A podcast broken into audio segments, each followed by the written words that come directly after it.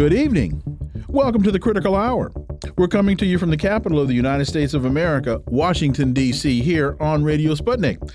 I'm your host, political scientist, author, and nationally syndicated columnist, Dr. Wilmer Leon. I'm joined here by my co host, political analyst, Garland Nixon. Thank you, Wilmer. For the next two hours, we will explore and analyze the salient news stories that are impacting the global village in which we live.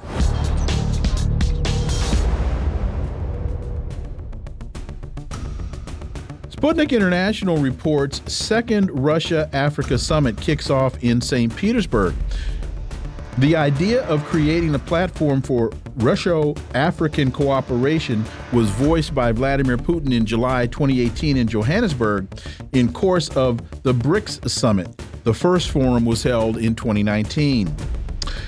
Some analysts speak in terms of a shifting away from the unipolar or multi to a multipolar reality, but folks, I think that shift has taken place. For insight into this, let's turn to our next guest. He holds the John J. and Rebecca Moores Chair of History and African American Studies at the University of Houston. He's one of the most prolific writers of our time. His latest book is entitled Revolting Capital Racism and Radicalism in Washington, D.C., 1900 to 2000. Dr. Gerald Horne, as always, sir, welcome back. Thank you for inviting me. So, the second Russia Africa summit is being held under the motto for peace, security, and development, with a special emphasis made on food sovereignty and enhancement of economic, socio-cultural, and security cooperation between Russia and African states. Uh, Dr. Horne, two things strike me about this motto. One, it's incredibly progressive, and two, it's more than rhetoric because the countries that are involved they're making it happen, and it's not being done at the barrel of a gun. Dr. Gerald Horne. I think it's important for your audience to recognize that we may be in the midst of the evolution of a new world order. This is unlike the order that developed post 1991 with the collapse of the Soviet Union and the development of what was called unipolarity, the era of the so-called sole remaining superpower speaking of the United States of America. But this is a new world order that in many ways is the polar opposite of what transpired centuries ago when a few nations in Western Europe were able to catapult themselves into global leadership, not least because of exploitation of Africa, not least because of the unlimited African slave trade. But today in St. Petersburg, Russia, you see the spectacle of independent sovereign African nations meeting with the Russian leadership in conjunction with sidebar meetings of BRICS countries, speaking of Brazil, Russia, India, China, South Africa, taking place in St. Petersburg, with that culminating in South Africa in a few weeks, where they will be deluged with memberships from countries far and wide for the possibility of joining the BRICS. This all points to this new international situation, which is one of the reasons why Washington and its allies lobbied Africa so furiously uh, not to attend this meeting. Uh, but alas, at least we can say that the two giants of the continent, uh, speaking of Egypt in the north and South Africa in the south, uh, did manage to arrive in St. Petersburg, not to mention uh, other nations such as the leadership of Zimbabwe. It's important for your audience to recognize also the backstory, the prehistory of this really remarkable event in St. Petersburg. Uh, what I'm referring to is the fact that as these Western European nations were getting fat on exploitation and plunder of Africa, you saw that in the 19th century, the rise of Pushkin, a man of African descent, who in many ways is the father of the modern Russian language. This is basically uh, impossible to conjure uh, in London, for example. It's certainly uh, difficult to conjure in Washington, for example.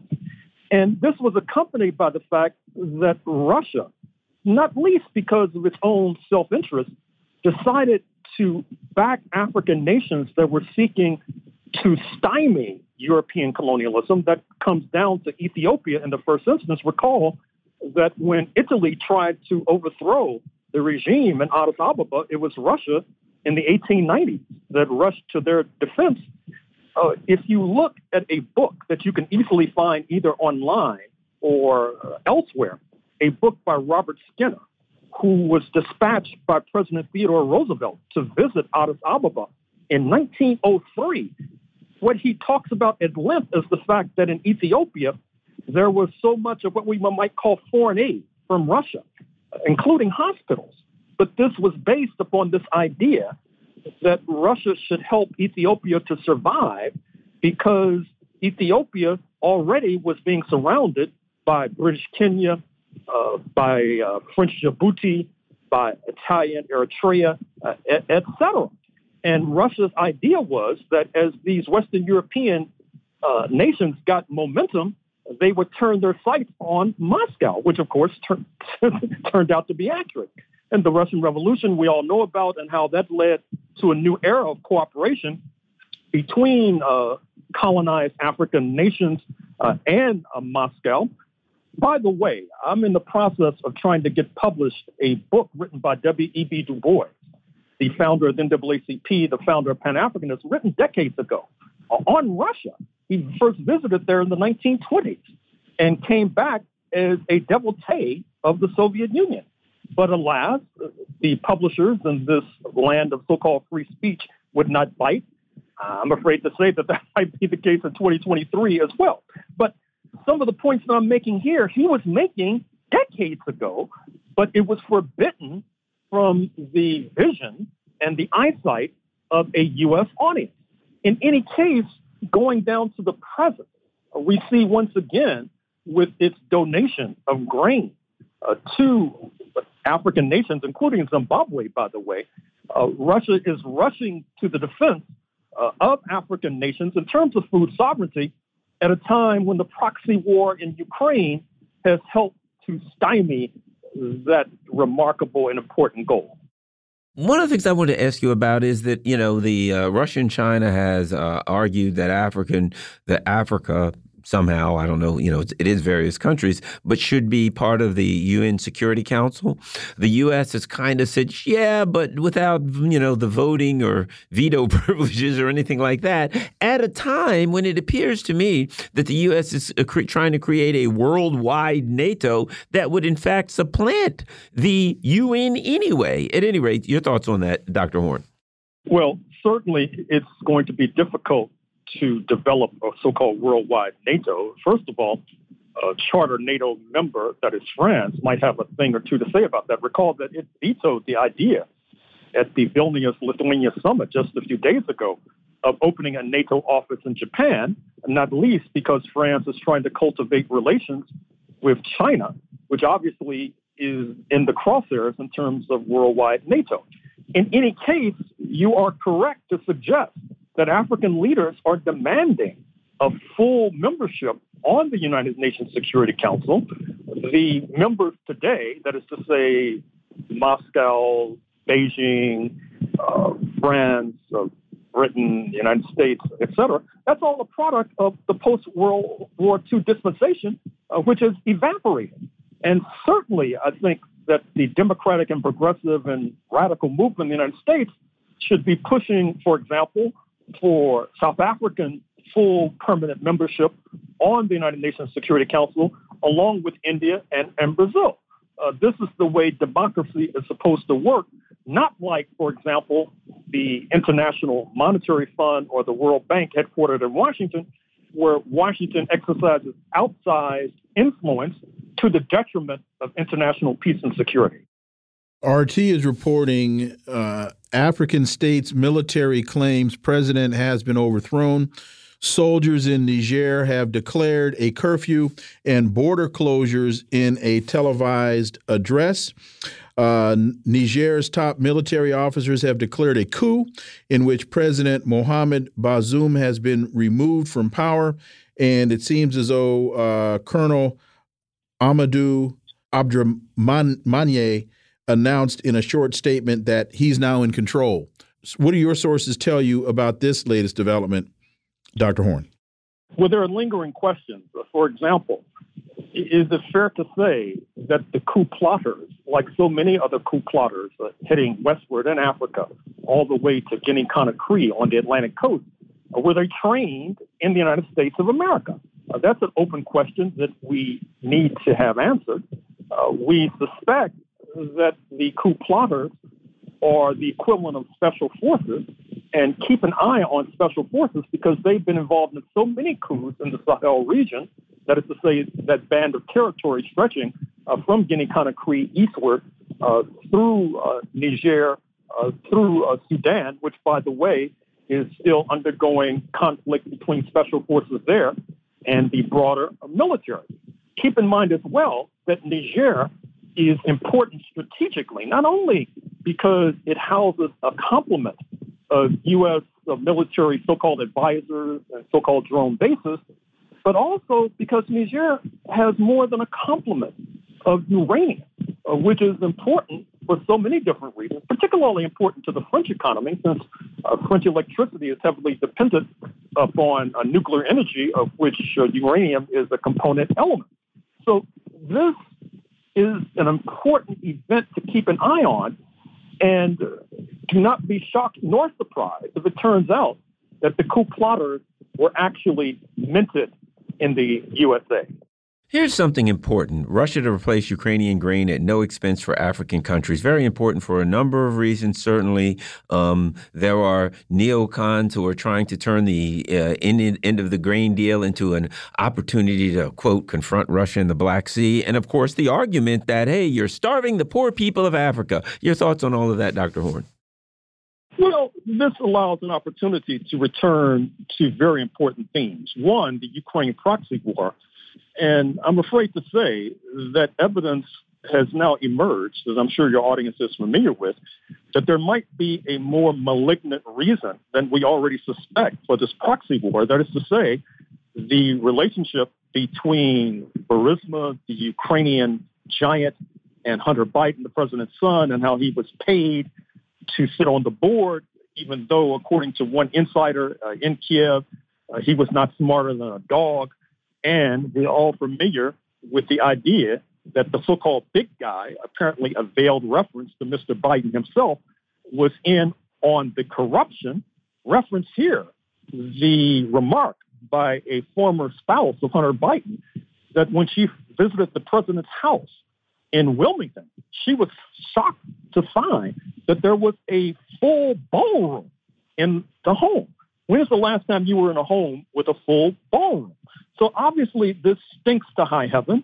Uh, this may be one of the most corrupt deals in the entire history of corruption in the United States of America, which is saying something, which then leads us back to this question that you referenced with regard to the grain deal, which allows an opportunity to speak once more about how during the Soviet era, the Soviet Union stood by Egypt in 1956 when it was attacked by Britain, France, and Israel for control of the Suez Canal, how it supported and armed guerrilla fighters in Angola and Mozambique and South Africa when they were fighting apartheid and colonialism. In fact, Samora Machel, the founding father of Mozambique, was killed in the mid 1980s as a plane that he was in was directed into a mountain by the apartheid authorities. Interestingly enough, his pilot at the time was a Soviet pilot, which was one more emblem of this close relationship that is now blooming in St. Petersburg as we speak.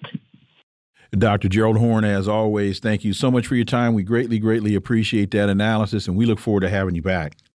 Thank you. Folks, you are listening to the Critical Hour on Radio Sputnik. I'm Wilmer Leon. I'm joined here by my co host, Garland Nixon. There's more on the other side. Stay tuned.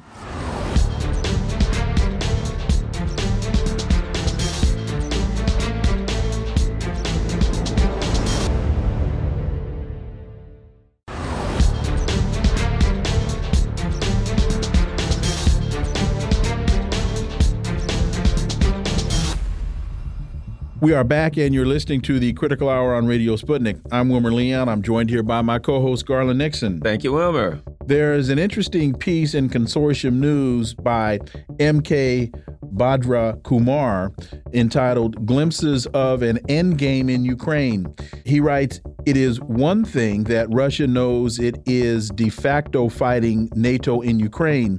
It is an entirely different matter that the war may dramatically escalate to war with Poland.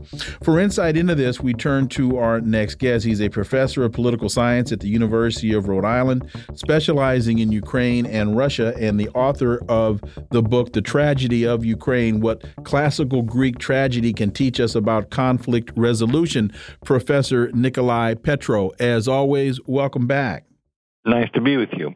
So, uh, Bhadrakumar continues.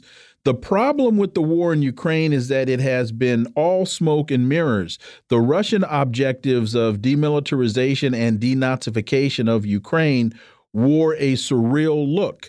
The Western narrative that the war is between Russia and Ukraine, where central issue is the Westphalian principle of national sovereignty.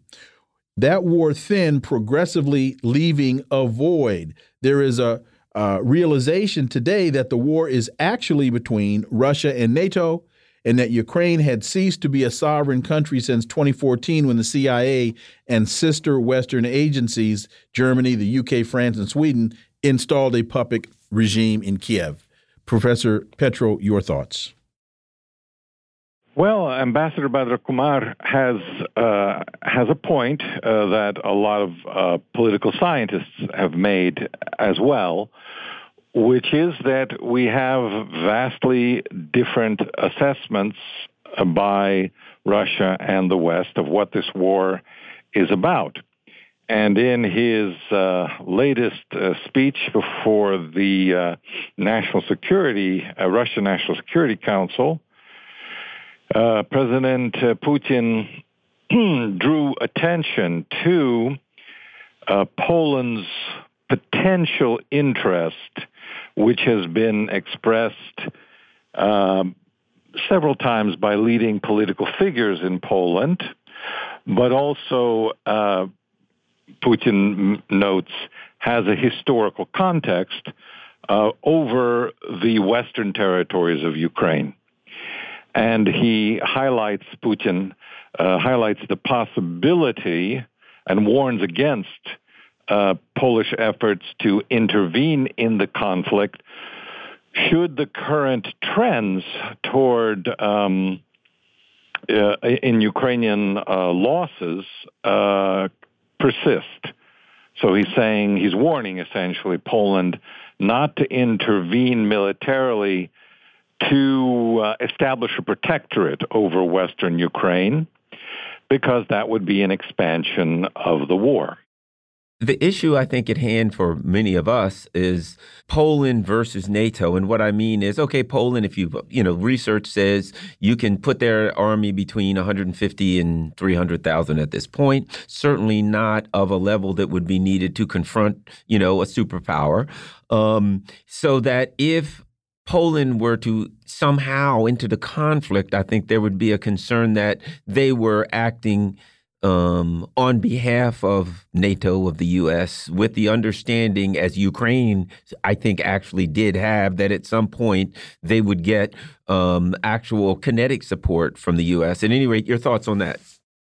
Yeah, that's a, a very tricky issue. Uh, we don't have uh, to my understanding, a very clear sense of what the responsibilities are within NATO.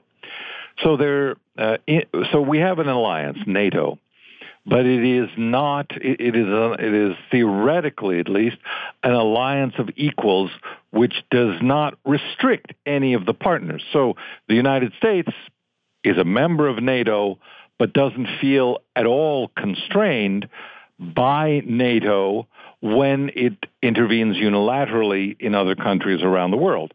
And we have other examples of this, uh, the use of the uh, Turkish military in the partition of Cyprus, and other examples, uh, British, uh, British uh, military uh, intervention in, in Iraq as well, and Syrian and other areas. So these are not technically NATO forces, um, but they are individual forces of countries that are within NATO. So presumably, Poland would do the same thing. It would say, in the interest of Poland, we are intervening in Western Ukraine, but we are not making this uh, under uh, NATO. We are we are doing this as an individual nation state, not as a member of NATO, and distancing itself, therefore, from uh, the NATO uh, alliance and and a presumptive shield.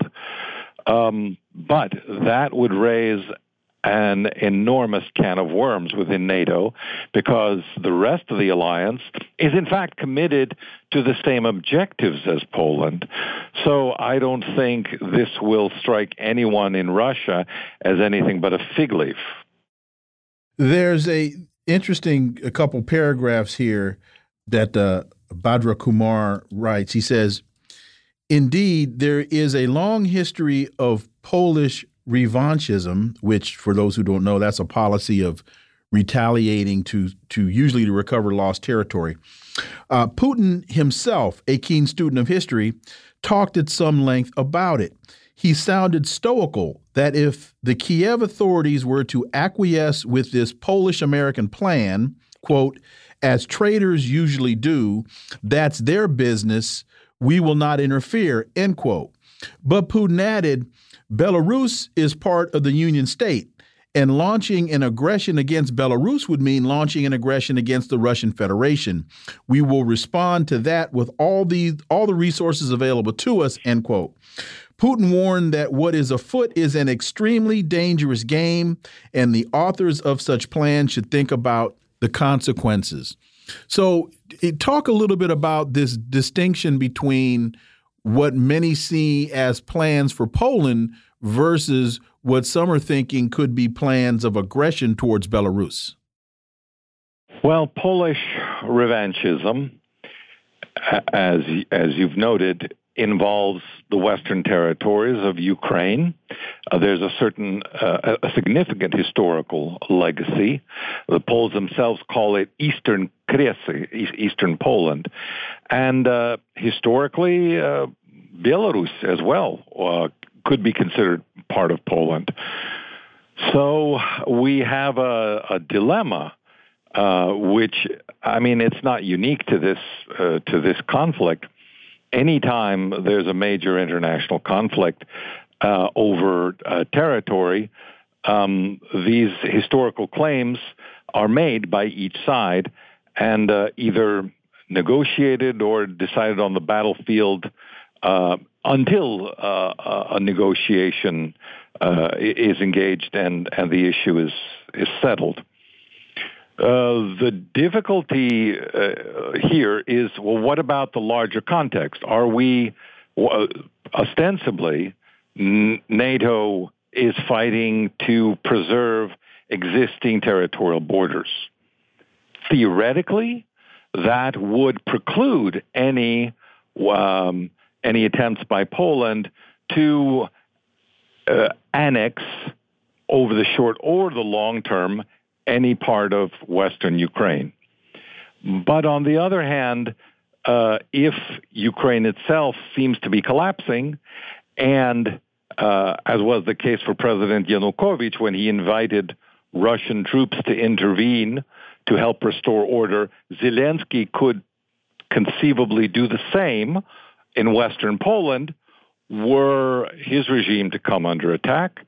And then presumably the West would uh, chuck its concern for uh, territory for borders out the window and say, well, in this case, of course, this is a legitimate intervention to save the Ukrainian state. And uh, it would open up, well, uh, like I said, uh, a, a tremendous can of worms. One of the things that we've heard since this whole conflict started, we've heard from Western media and analysts, is well, a couple things. Putin is crazy, and he's trying to expand the, Russia to reunite the Soviet Union. What I hear from him and what this spells out to me in uh, Bhadrakumar's piece is he's not being offensive and aggressive. He's being defensive. What, what I hear him saying here is if you force my hand, this is how I will respond in a defensive manner instead of saying this is what I'm planning to do because I want to I want to get the band back together. I uh, you know, uh, seeing that uh, Russia is the aggressor in Ukraine, it's hard to then define it, uh, any of its subsequent actions as defensive. But what I think Putin uh, can be said to be trying to do is to draw a line as to how far he is willing to go. And that's why technically the military action that he is engaged in in in Russian terms, in in Russian legal discourse, is not a war. It is a um, uh, military intervention, special military operation, yeah, special military operation. In other words, he's saying we're not. The, the very term uh, signifies that we are not trying to end the Ukrainian state. We are trying to change the Ukrainian state to to force it to comply with Russian interest, and and that this is a coercive policy. Uh, as, as an because diplomacy has failed, but he would not like to see it the the the West drawn in further. But I'm not sure either side is listening to the other or understanding them at all. Another important issue here. One of the things that is obvious is Russia doesn't really want Western Ukraine because let's face it, there's a lot of people there that don't really like Russians. And as they see it, you know, the history of the Ukrainian nationalists is not one that they'd like to be aligned with. Poland has a similar problem. Does Poland really want to come in, into Western Ukraine, knowing that there are a lot of the Ukrainian nationalist history there? Don't like them either. Enmity, they've wiped out Poles. There are a lot of Polish people who will have a problem. And does and let me add this: the play parts of Ukraine that make money are all going to be part of Russia. So you're going to have a big grumpish kind of state with people that don't like you. Is that something that Poland that really won't wants? make you any money. Yes. Is that something Poland really wants? Yeah, it it is a, a problem, and I guess looking at it from my vantage point, I think Poland would not want to intervene militarily. I think it is uh, terrible would be terribly reluctant to do so. It would rather it would rather provide all the military support that it can without any that, that's the hardware but but not the Polish troops um, which I think uh, would be devastating. But actual to uh, actual absorption of Western Ukraine, you know, long before Russia was the enemy uh, for Ukrainian nationalists, Poland was the enemy, and uh, that history is is very deep, uh, especially in uh, in Western Ukraine, and it's very easy uh, well, it had. Let me just put it this way: the the context of World War II, in which there were massacres uh, of uh, Ukrainians by the Poles, has, has you know not uh, and and vice versa has not been forgotten. Professor Nicolai Petro, as always, thank you so much for your time. Greatly, greatly appreciate that analysis. And you know, hearing you say that that that you believe that that Russia was the aggressor here would love to have you back because I would love for you to enlighten me on why you see that as the reality. Because my understanding and my view of things is, again, this was a defensive, this was a prov, this was a provocation that Russia responded to in a defensive manner. And so, would love to have you clarify that at another time. But as always, we look forward to having you back. Thank you. Folks, you're listening to the Critical Hour on Radio Sputnik. I'm Wilmer Leon, and I'm joined here by my co host, Garland Nixon. There's more on the other side. Stay tuned.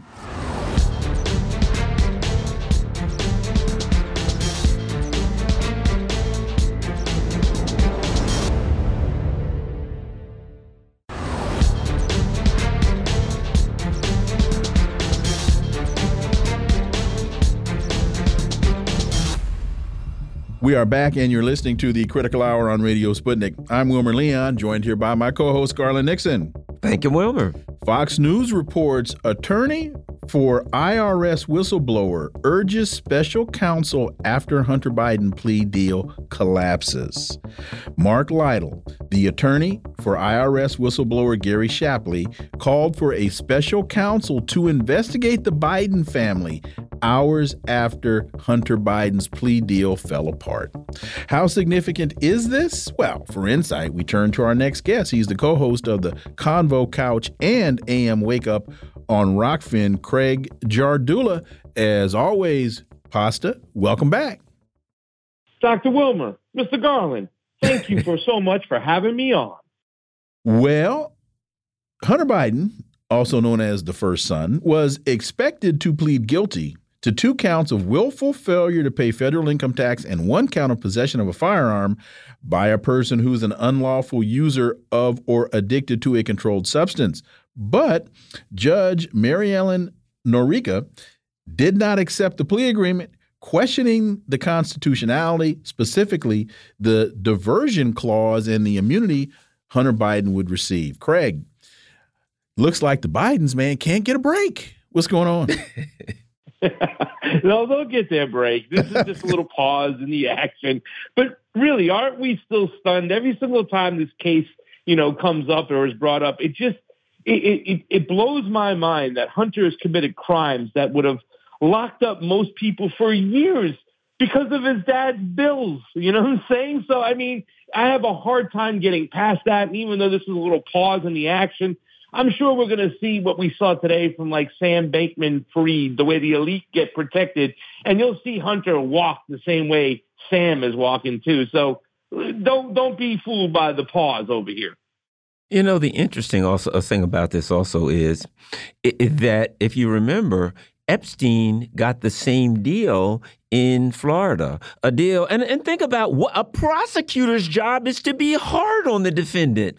And a prosecutor writes a deal that says basically, if you plead guilty to this traffic ticket, anything that we are investigating you for, it could be all of the what, what what's the felonies? Mr. and Mrs. Tam, right? Murder, rape, sodomy, theft, arson, mayhem, burglary. You know what I mean? I used to know them all, but they could have been investigating him for every single felony. But according to this plea deal, if he pled guilty and got what was it like home monitoring and drug testing for a year, well, you know, he never passed that. But if he did that, any other potential crimes he'd be free from prosecution. It's so obvious, Craig, that there's something crooked when you say to the when the prosecutor says to the defendant, "You just take this little thing here, and uh, anything else we're looking for, uh, looking at you for, we'll just throw that out the throw that out the window, Craig." Couldn't you get the same deal? Don't you wish we could get those same deals? I mean, it, it is is that really these prosecutors' job? I mean, these prosecutors, what we've seen over the last several years with the Department of Justice is just uh, it's a little bit wanky. It's obvious they're in the tank protecting the elites. You know, I mean, Epstein did get that same kind of deal. He just had to check in and he had an office where he would receive massages, you know, from uh, ladies while he was on trial for the same thing. It's just more content for the cartoon, my friends. That's all this is. I will correct you. The people that were giving massages were a little young to be referred to as ladies. I don't think they were quite there yet, I, I, I, didn't know I could say little girls on spoon, so I was trying to watch my tongue. That's all. But he, here's one thing that I think we need to ask ourselves is that, and, and I'll go back to the headline of the story.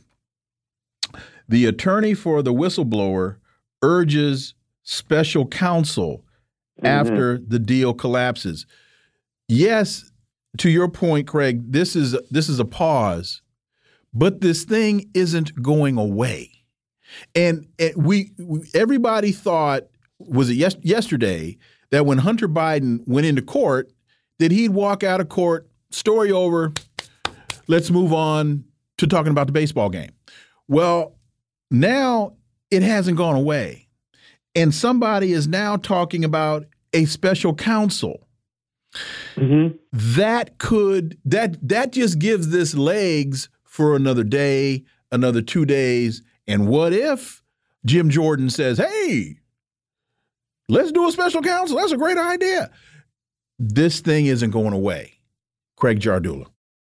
Well, I mean, you know, bless his heart, Mark Lytle, the attorney for the IRS whistleblowers, you know, uh, he still believes in the marketing. And, you know, he wants that special counsel out there because that is supposed to provide some content and some transparency for the public to see what's going on. Mm-hmm. So, in his words, quote, it doesn't happen again. But we know it will happen again because, I mean, we are also, you know, from quoting Mr. Uh, um, one of the, what was his name? I, I forgot his name. Uh, Gary Shapley, one of the IRS whistleblowers, you know, what I'm saying that this is the highest level of fraud and, and crime he's seen in his 14 years there as well.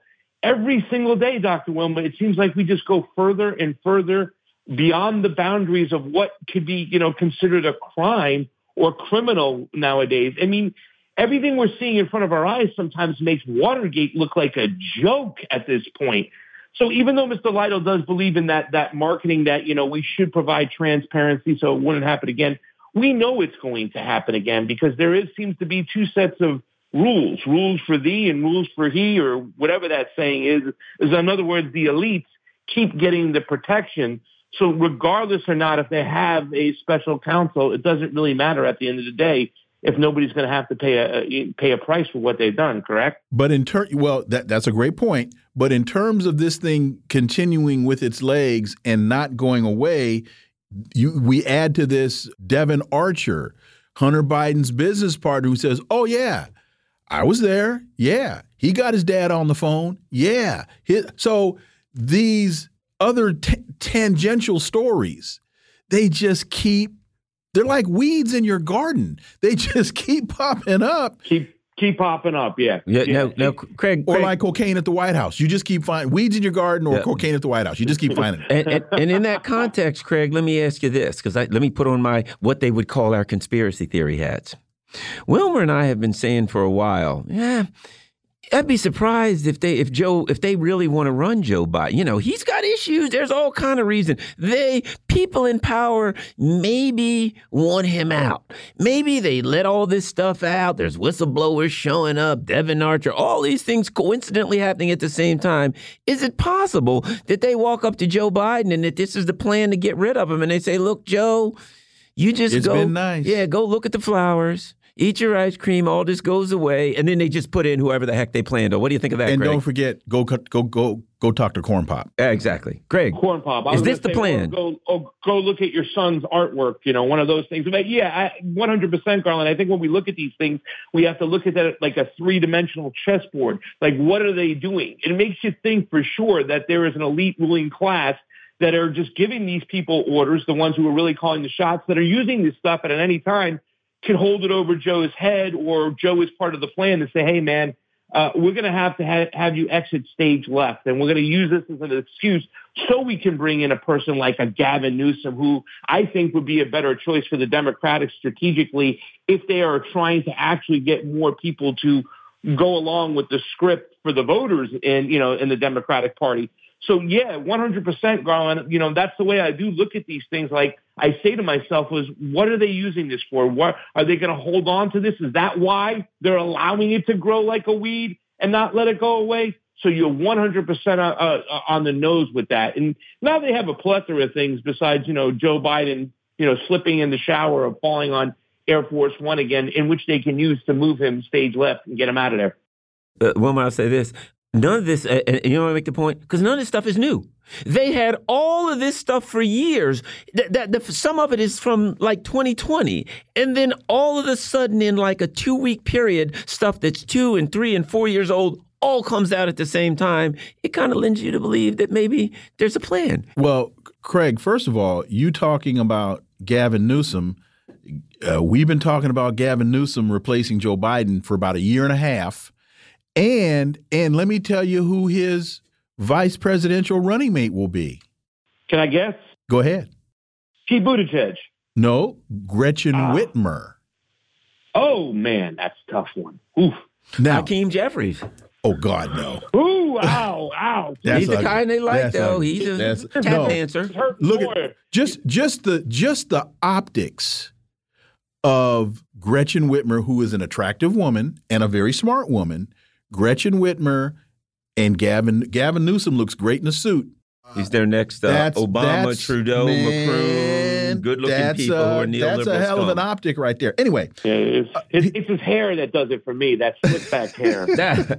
So so here's here's one more story. IRS whistleblower, Biden family and associates received 17 million from foreign entities. Companies connected to the Biden family and their business associates received about 17 million dollars more than previously reported from several foreign entities, according to an IRS whistleblower who testified yesterday. And that's, I think, Gary Shapley. So that's another data point regarding all of the machinations and all of the dirty dealings that and he had like 30 shell companies or something, like you do. Like Hey, you do. man. Like, don't you, Wilmer? Don't you have 30 shell companies? 33. Okay, my bad. uh yeah why Wow. you, why you playing me cheap yeah. um i'm a baller why are you playing me cheap like that homeboy um so so craig it's raining on him now yeah. Yeah. Well, that's 17 mil that we know of, right? Right. Like, and that's from like what five years, 2014 to 2019. So that's what we know about it. You can just imagine how big this guy's network is, and he's probably got you know apartments in other places, cars in other uh, other states, or what. Who knows what they what they have? That's just what we know of. But you know, once again, and I'm just worried about too as well the fact that is that they're kind of labeling it as three countries or, or identifying three countries. Ukraine, which we knew of, Romania, which a lot of people didn't. But then they're also saying China. So I'm also looking for the pivot and where the Republicans can also blame China as a whole, thinking that Xi Jinping wrote these checks over here and stuff. So I'm being very cautious of that. But yeah, I mean, it seems like the sky is falling on him. But come on, Dr. Wilmer, you know damn well, and so do you, Garland, that Hunter Biden is not going to have to spend one day in a federal. no no no no no no no. that's not the that no that's not the point Yeah, I agree. no Saying the point that they're going to have to exit Joe Biden after. Yes. It's Yeah. the it's the drip. Yeah, it's it's the death by a thousand cuts. The, uh, the term in politics, leverage. Yeah, you're They're right. going to have Yeah, man, the- leverage against Joe. And, and here's the thing: so when they say get out of here, he's going to salute and say adios. it's not about the validity or the veracity of the story. It's the headline. There are just all of these headlines that won't go away. It's the hit parade that, that they just keep on coming. Yeah, yeah. I, they, they're going to be used if they want to use them at any point to, to, to, like we said, to exit them stage left. It's, I, yeah. I mean, but you know, we live in the United States of amnesia, and people will forget about this down the road uh, when it's time for it to go away. So you know, it is what it is. It's more of the theater. Do you think that's quick? We only got a second. Does Joe Biden make it another month or two, or are they going to have him out? We got thirty seconds. I think he'll make it longer than Mitch McConnell at this point, but uh, yeah, I, I I think he, I think they got to get rid of him. There's no sense of keeping him around if he's going to keep falling asleep and he can't even stay awake when he's uh, meeting with international leaders. So I think he's out within three months. Good call. Craig Jardula, as always, thank you so much for your time. Greatly, greatly appreciate it. Look forward to having you back. Thank you, gentlemen. Folks, you're listening to the Critical Hour on Radio Sputnik. I'm Wilmer Leon. I'm joined here by my co host, Garland Nixon. There's more on the other side. Stay tuned.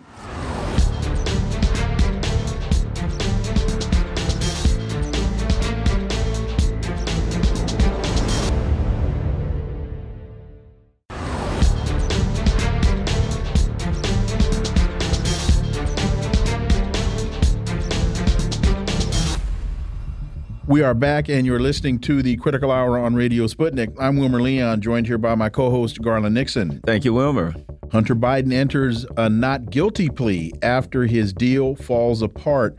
A plea agreement between federal prosecutors and Hunter Biden fell apart yesterday after the judge refused to sign off on the deal that would have seen the president's son enter guilty pleas to two misdemeanor tax charges and enter a diversion program in lieu of pleading guilty to a felony gun possession count. Well, what does all of this mean going forward for uh, for Hunter for Hunter and his father, especially in the context of what we discussed yesterday that Donald Trump may face four indictments by election day? For insight, Let's turn to our next guest. He's one of the top lawyers in California, if not the country. His firm handles police misconduct, including excessive force, deadly force, false arrest, illegal searches, the entire uh, portfolio. He's a former prosecutor, and he's argued cases before the Supreme Court. Attorney John Burris. As always, John, welcome back. Yeah, thank you. Good to be with both of you. Yesterday was a pretty stunning day in, in the area of criminal defense work. I haven't been a criminal defense lawyer. I can t- only imagine how shocking it would have been uh, for the judge to reject the deal, but more importantly, to have to look your client in the face.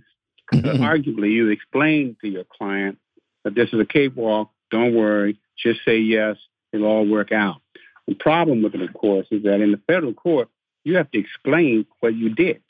And you have to explain it in great detail. And what happened here is because there's been so much other public pronouncement that there's other ongoing investigations, the court wanted to make sure he understood that whatever happened here did not necessarily mean that he was free from other investigations that taken place.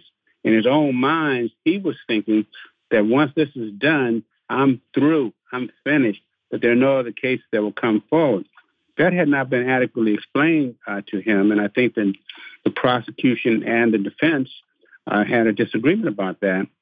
And as a consequence of that, the judge would not allow the deal to go forward because she wanted to make sure that he understood that this deal was not complete if, in fact, there are other charges that could be related to what his conduct is. So it is one of the situations that um, clearly uh, all the information wasn't on the table. And some of it is obviously political as well, because more recently you had these um, uh, uh, these whistleblowers come forward, really suggesting that not only was this a sweetheart deal for Biden, but there were other uh, potential charges that were involved, particularly in the fact the size of the money that he in turn had made that had not been disclosed to the IRS. So it wasn't some misdemeanor amount. It was, in fact, a large sum of money, and it included other members of the Biden family. So uh, it has the potential to um, spread wide, deep and wide into the Biden family, and certainly it's something I'm sure the president uh, is worried about, and it's certainly something that the Republicans are gleeful about.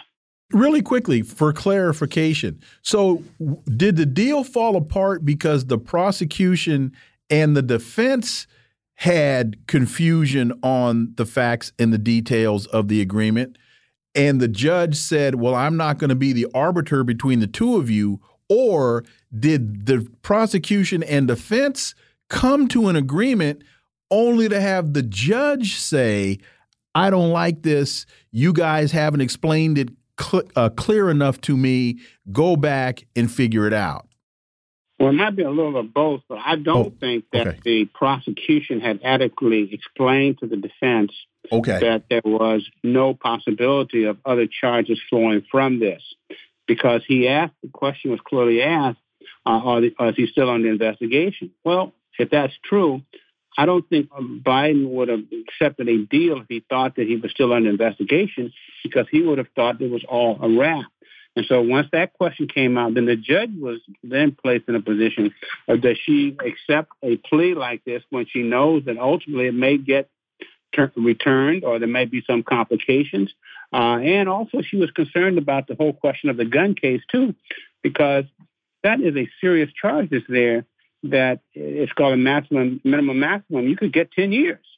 Hmm. And so she did not want to be um, in a position to have to make a decision about that if there's a violation, and that violation could have come on these other charges, so that are still outstanding. So I think that there was just too much uncertainty that existed uh, for her to accept the deal, and and he did. And I think the lawyer did him a disservice by not really having thought through all of the potential options that were there, because he knew that there were charges still outstanding. Uh, but I think he may have thought that that that could be set aside um, and that would be given due consideration at the end of the day, uh, which it was, but not in his favor. Now, do they now, um, in an instance like this, I mean, I mean, of course, obviously you go to court and you adjudicate the case, but in an instance like this, can they rewrite, can they redo a plea deal, or is that that's something? What that's what they're supposed to be doing now. Oh, go ahead. You can, you can redo a plea deal. That that happens all the time. You know, you get up to the, up to the bar and uh, and the deal is going through, and, and the defendant uh, balks at it. Uh, the judge may balk at it. The prosecutor may change his mind about it. And so then you have to go back and uh, talk about it some more. And generally, when you talk about it some more, it's not the same deal that you had offered, but there has to be loose ends that have to be worked out. And this issue about outstanding other cases is something that uh, has to be worked out, with, meaning that he takes this deal that's on the table, but he clearly understands that he can be that he may get prosecuted in other matters, and so his legal exposure is not over. Well, that's something that that had to be really clarified for him. So, but deals get redone all the time. That's not um, uh, not surprising. Professor Marjorie Cohn uh, has a piece in Truthout. Donald Trump may face four indictments by election day, and we talked with her about this piece yesterday but wanted to get your take on kind of the broader political aspects of this. You've got the presumptive Republican nominee facing more indictments, and you have the son of the presumptive Democrat nominee facing indictments. And they're even talking now about impeachment of the president. And he his name is being dragged through a lot of his son's nefarious business activities. So, your thoughts on what your thoughts on that? I will tell you, I'm not convinced that his the father isn't involved in some way. Look, um, but the Biden. No, no, nor nor am I. He just hasn't been charged. That that that's he hasn't been charged. That, that's he my may point. Not get charged, so it becomes more of a political inference that that that he's connected just by the mere fact that a son is a kind of a nobody, no connection, and he gets this huge deal and he makes a huge amount of money at a time when his father's the vice president and his father's dealing with the very country that he that he's over there working for. So that would not surprise me at all if he's tied into it. I don't know that it reaches an impeachment level, but I don't think the impeachment level is a political decision. That's a political decision that the other side makes based upon whatever goals they have in mind. Uh, but I think that so, then, so therefore, you could have an impeachment inquiry, which is kind of different. I think it's politically significant because I think that the the, the, the Speaker of the House has some reservations about this because he doesn't want to turn off some of the Republicans who are in close Democratic districts that Biden won. And there may be four to eight of those, and he starts and forces forces them to vote for impeachment. Those that, the citizenry in those jurisdictions may turn against him. So an inquiry is not the same. I mean, an inquiry means we're just looking at the evidence and gathering evidence, and I tend to think that's kind of what they want to do, as opposed to having a full-scale impeachment where you have to vote. Now, that doesn't mean that the, the conservative MAGA crowd, doesn't want a full impeachment. Of course, they want to avenge Donald Trump. They want the whole expungement of his record um, of his prior impeachments to be done away with. So there's an extreme part, but I think that those who have to work through this these issues and be mindful of their future, they're not necessarily for impeachment. But I do think the president has exposure by osmosis just because of his family. Uh, and you can't do away with that. Remember the days of Jimmy Carter and Billy Carter and, and Richard Nixon and his brothers? They all had connections of shady deals. And, you know, to some extent, they tainted the president. They didn't take him down. Uh, each of them took their own self down. But but there was cause for concerns. You know, I kind of feel, I mean, and this again is a political statement. When I look and I see, you know, the opposition leader and he's facing multiple charges, I look at Biden and every day I read something new about a new whistleblower coming out. These things don't look good. It feels like our country is politically unstable, or at least the parties are like politically unstable. And now, you know, I put it like this: I wouldn't want to run for president because, uh, you know, the um, and and I'm not saying that both of these guys aren't guilty or not guilty. I don't know, but I'm just saying, if I'm running right now, I'm thinking, man, they're going to be reading every tax, everything that I've written for the last 20 years, and find a charge against me. When it gets to this point, and again, I'm not saying anybody's guilty or not guilty. A lot of people are going to be afraid to run for. Maybe the best people who would run would be scared to death to run. Uh, John Burris ambitious people will run for president, period. You know, regardless of what their background is, they will run. I mean, Trump knows who he is, Biden knows who he is, but they're ambitious, ambitious people. And, and so that part is, is, is surprising. And just the question is, are they prepared to take the heat that comes along with it? With um, Trump, look, he's facing all these particular indictments, and he's also been a bad guy in many ways down to the areas in terms of how he's treated people. But it hasn't stopped him one iota from running for president.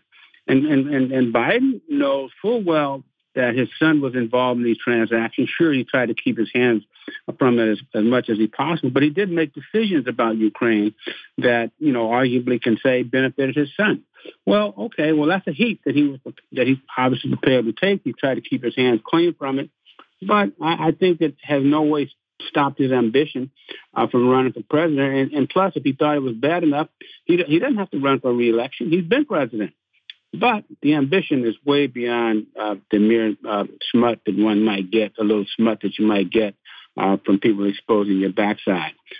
largely because I think you're right. Everybody has something. There's not too many squeaky, squeaky clean people that we can think of um, that has run for president, and maybe that's part of being the character of the man, of the person. Hey, Wilmer, I'm getting my uh, Burris 2024 uh, bumper sticker. I think that's the direction we need to go. oh, I've already got them. I've already got. I, will oh, yeah, I got the t-shirts from you. I got the t-shirts out in the out in the lobby. I'll I'll, I'll get I you. I can rest assure you, it would not be me. but I can I can assure you, if it was, you'd get my vote. There we go. There'd be, there'd be no question. Hey, uh, you might, hey, I might not once you hear about the past. John, I've known you a long time. Uh, but but going back to Hunter Biden and the fact that, as I understand it, the judge directed them. You you guys go back and Hunter ish, uh, wound up with a with a not guilty plea. The judge said, "You guys go back and figure this out." So, at the end of the day, do you think that this dust will settle and that they're going to be able to work work these what consider some consider to be minor details out?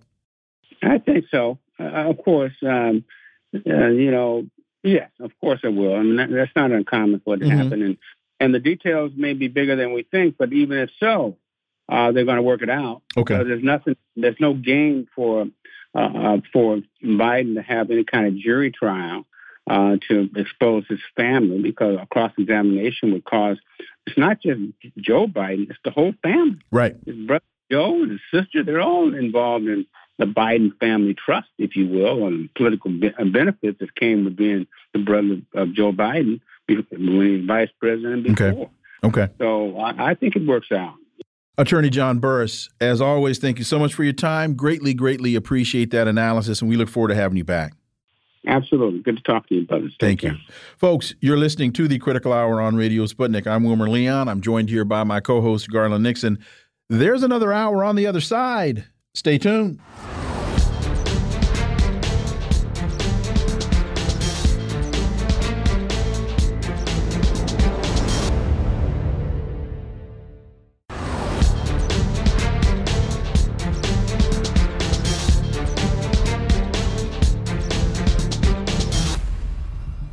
We are back, and you're listening to the Critical Hour on Radio Sputnik. I'm Wilmer Leon, joined here by my co host, Garland Nixon. Thank you, Wilmer. Al Mayadeen English has a story. Ben Gvir settlers storm Al Aqsa Mosque amid calls for confrontations. The provocations of illegal Israeli settlers, spearheaded by Police Minister Itamar Ben Gvir, against Al Aqsa Mosque continues. Now, here's the headline regarding the same visit, and they use the same photograph, but this is from the Times of Israel. Ben Gvir visits Temple Mount on Tisha B'Av, drawing rebuke from U.S., Jordan, and the Saudis. Minister, other lawmakers ascend to Flashpoint site without incident. 16 Jewish visitors, two Arabs arrested over disturbances, record numbers said to tour site on fast day. So, what's going on here? Did he visit or did he storm the mosque? For insight, let's turn to our next guest. He's an award winning broadcaster and journalist based in Beirut, Lebanon, Laith Marouf. As always, Laith, welcome back. Thank you for having me. So, the Times of Israel writes far right national security Itamar ben Gvir visited the Flashpoint Temple Mount on this Jewish day of national mourning, prompting anger from Jordan, the Palestinian Authority, and the Hamas terror group, as well as a rebuke from Washington.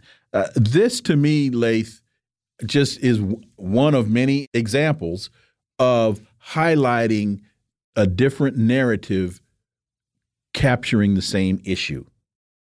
Yeah, I mean, clearly, um, with Marvin Gvir and uh, the settlers that he works with were intending a propagation because of the supposed date of uh, the uh, destruction of a temple that's mythical, that there's no actual archaeological evidence of. But, uh, and of course, it is a, a forced raid on the mosque. It's not uh, a visit because the authorities at the mosque did not give permission for these settlers to enter, and they entered with protection of armed forces. And that's basically a uh, raid. So that's what we have. Um, ultimately, anybody that wants to provoke a religious war would do so, you know, act the way that Ben Gvir is doing. Imagine if uh, Muslims start raiding, um, you know, synagogues and claiming that this is their uh, religious uh, right to do so. Do you think that this, of course, we understand the ideological extremists such as as, as Gvir, et cetera, Smotrich, and and their motivations, but how much do you think is also motivated by the instability in Israel, by the attempt to maybe, you know, people are in the streets, people are pushing back against what they think is a, a democracy. Clearly, it isn't, but um, how much of this do you think is they're going to, you know, paper over their internal problems and difficulties by pushing against uh, an easy target in this case, you know, which is uh, the Palestinians? Well, uh, you know, you clearly hit the nail on, um, and so clearly here, what's happening in Israel. We saw now in the last week surveys done of the population of the colonists and close to 25% want to leave the country of all ages and they're looking for immigration to somewhere else or going back to where they came from in Europe and uh, North America. Um, and uh, when it comes to uh, the youth under 30, that uh, goes to almost 60%, 57% want to leave. Uh, the end of the Zionist colony is happening. Uh, many uh, soldiers we heard, uh, medics, and uh, Air Force pilots and others have been refusing to appear for their service.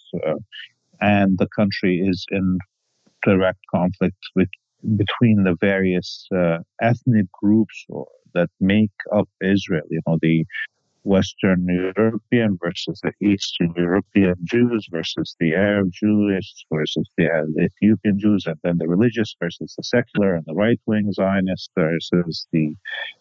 Uh, and so it's a, a, fractured country that's collapsing in front of our eyes. It's the end of this colony. That's a made up uh, fantasy that uh, because the Palestinians refuse to just disappear and for the last 80 years resisted uh, this fantasy. Just their mere existence of the Palestinians um, assures the end of uh, the colony, and as we see it is happening.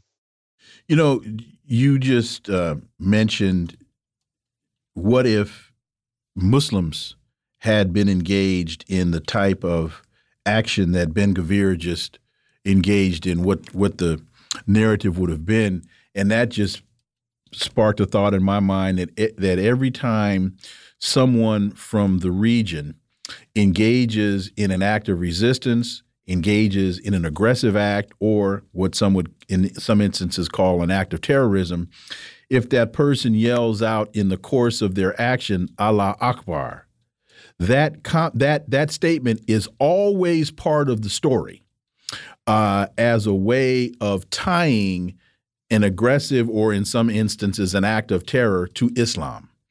And so I just that just came to mind in terms of the narrative and, and the point that, that you just made. in your talking about the colony is collapsing, in talking to Miko Peled, he he makes a similar observation, and he talks about a power vacuum that is going to be created when the collapse occurs. And he also makes the point that the United States, in creating these vacuums, whether it be in Iraq, whether it be in Libya, he said when usually when the United States creates a power vacuum, it's in a country of brown people. He said in this instance, as it relates to the Zionist colony, these are white people that are engaged and that are going to be victims of this political collapse. Talking about the Europeans in the colony. Your thoughts? Yeah, I mean, look. Uh, and, and, let me just add. Let me just quickly add. He's not ignoring the Palestinians in his analysis. He's he's talking yeah. about the the Knesset and the power vacuum that is that that Netanyahu and the settlers are facing. Oh yes, yes. So uh, as we see with these uh, surveys, much of them are going to just pack up and leave. Okay, and uh, what will happen is uh, those who remain that want to accept equality will be given that right. And but uh, you know the difference between really the vacuums of power that the U.S. For, for, forced in Iraq or Libya, uh, and what is happening right now in occupied Palestine is that the power vacuum now is not being enforced by the United States. It's happening under the weight of resistance by the Palestinians and the uh, people living in the region of Greater Syria. And I tell you something, um, because none of the states in the whole region, uh, we're talking about Lebanon and Syria, Iraq, uh, Jordan, and Palestine itself, have ever uh, coagulated, uh, you know, justification and reason for their existence since the Sykes-Picot borders were drawn. When Palestine is liberated, there will be hundreds of thousands and millions of Palestinian refugees in Lebanon, Syria, Jordan, Egypt just pouring in. And with them will be millions of other Arabs from the region just walking in, as we saw in the last few years. And this will not only erase uh, the Zionist colony, but it will erase the Sykes-Picot border, and we may see a birth of a new state that should have been born uh, with the liberation struggle that is unified of the Arabic world. That is definitely a scary thing for not only Zionists but all imperialists. Uh, and this is why I actually uh, I am very uh, optimistic of the future for the region. Yemen wants to wants talks, but ready for any scenario. Um, uh, the Sana'a Supreme Council, uh, political council member thanks Al Mayadeen and other media outlets for supporting the people of Yemen during the years of, of, the aggression. They say, but they're ready to talk. But apparently, they say if the talks don't work, they're ready to continue fighting. Certainly, we're hoping for peace here. What are your thoughts on what's happening between Yemen and Saudi Arabia? You know, this is why I was warning uh, a while ago when the detente kind of was signed between Iran and Saudi Arabia uh, with the Chinese brokering that, uh, you know, they, we're on a long path. There will be no uh, fast change in what's happening in Yemen or other locations in the Arabic world in terms of the competition that is there. And I don't know if the, the Saudis are going to fa- move fast enough away from American imperialist uh, dictates to uh, see the effect happening on countries like Yemen. And the Yemeni people are still under uh, starvation siege uh, by the Western coalition and the Saudis. And uh, this is not something that the Yemeni people can wait out. Uh, therefore, if the West is not willing and the Saudis are not willing to actually end the war and lift the siege uh, we will see a return to hits on uh, Saudi infrastructure. That's for sure. That's the only way that the Yemeni people can survive uh, a starvation campaign. Al Houthi speaking uh, says that there's no truce today, but rather de escalation. and that there's an opportunity on the part of the Sana'a government for mediation, noting that the talks with the Saudis are still focused on the humanitarian aspect as a priority before anything else. What role is the United States playing here, and are the Chinese involved? Yeah, I mean, uh, the Americans do not want an end to this war because of the and the Israelis also because of the importance of the uh, Bab el Mandeb Strait mm -hmm. that goes from the Arab Sea to the Red Sea, and uh, uh, if there is peace in Yemen, that means this strait is out of the control of the United States, and this is this is why we see them uh, hoping to at least break Yemen into two countries and take the, corner of Yemen that has the uh, Strait of uh, Bab el Mandeb uh, to under control of uh, southern Yemen and state that they will want to create. And uh, of course, the Yemeni uh, people are smart enough and will not allow this to happen. And the longer uh, the occupation continues in the south, the more it's normalized. And uh, this is why it's not in the interest of the resistance, neither in terms of starvation for their population, nor for uh, permanency of the uh, projects in the south that the Emiratis and the Israelis are building, uh, the occupation of the various Yemeni islands that have now been uh, cut off from Yemen for uh, almost a decade. Uh, this has to be ended very fast if Yemen uh, is to stay as one country. Well we only got about a minute, but uh, Palestinians in the northern West Bank apparently have launched or claimed to have launched a rocket at a nearby Israeli town from Jenin. We got about a minute. Your thoughts? Well, it comes after the Israelis assassinated another child, a 14 year old, uh, with a bullet to the head. And uh, of course, the Palestinian uh, people will be fighting back, and this is bringing us now to a different stage. We have to also connect this, of course, to the meetings of uh, Abbas and Haniyeh, the two leaders of the Fatah and um, and Hamas in um, uh, Turkey. Uh, just yesterday, and their their expected meetings in Cairo. That now we know much of the other Palestinian groups, including the PLF P and the Islamic Jihad are going to boycott. Uh, so it, it's a fight about uh, going forward with a military liberation uh, project in the West Bank, and I, I think it's it's uh, coagulating very fast. Laith Marouf, as always, thank you so much for your time. Greatly, greatly appreciate that analysis, and we look forward to having you back. Yeah, have a great evening. You too.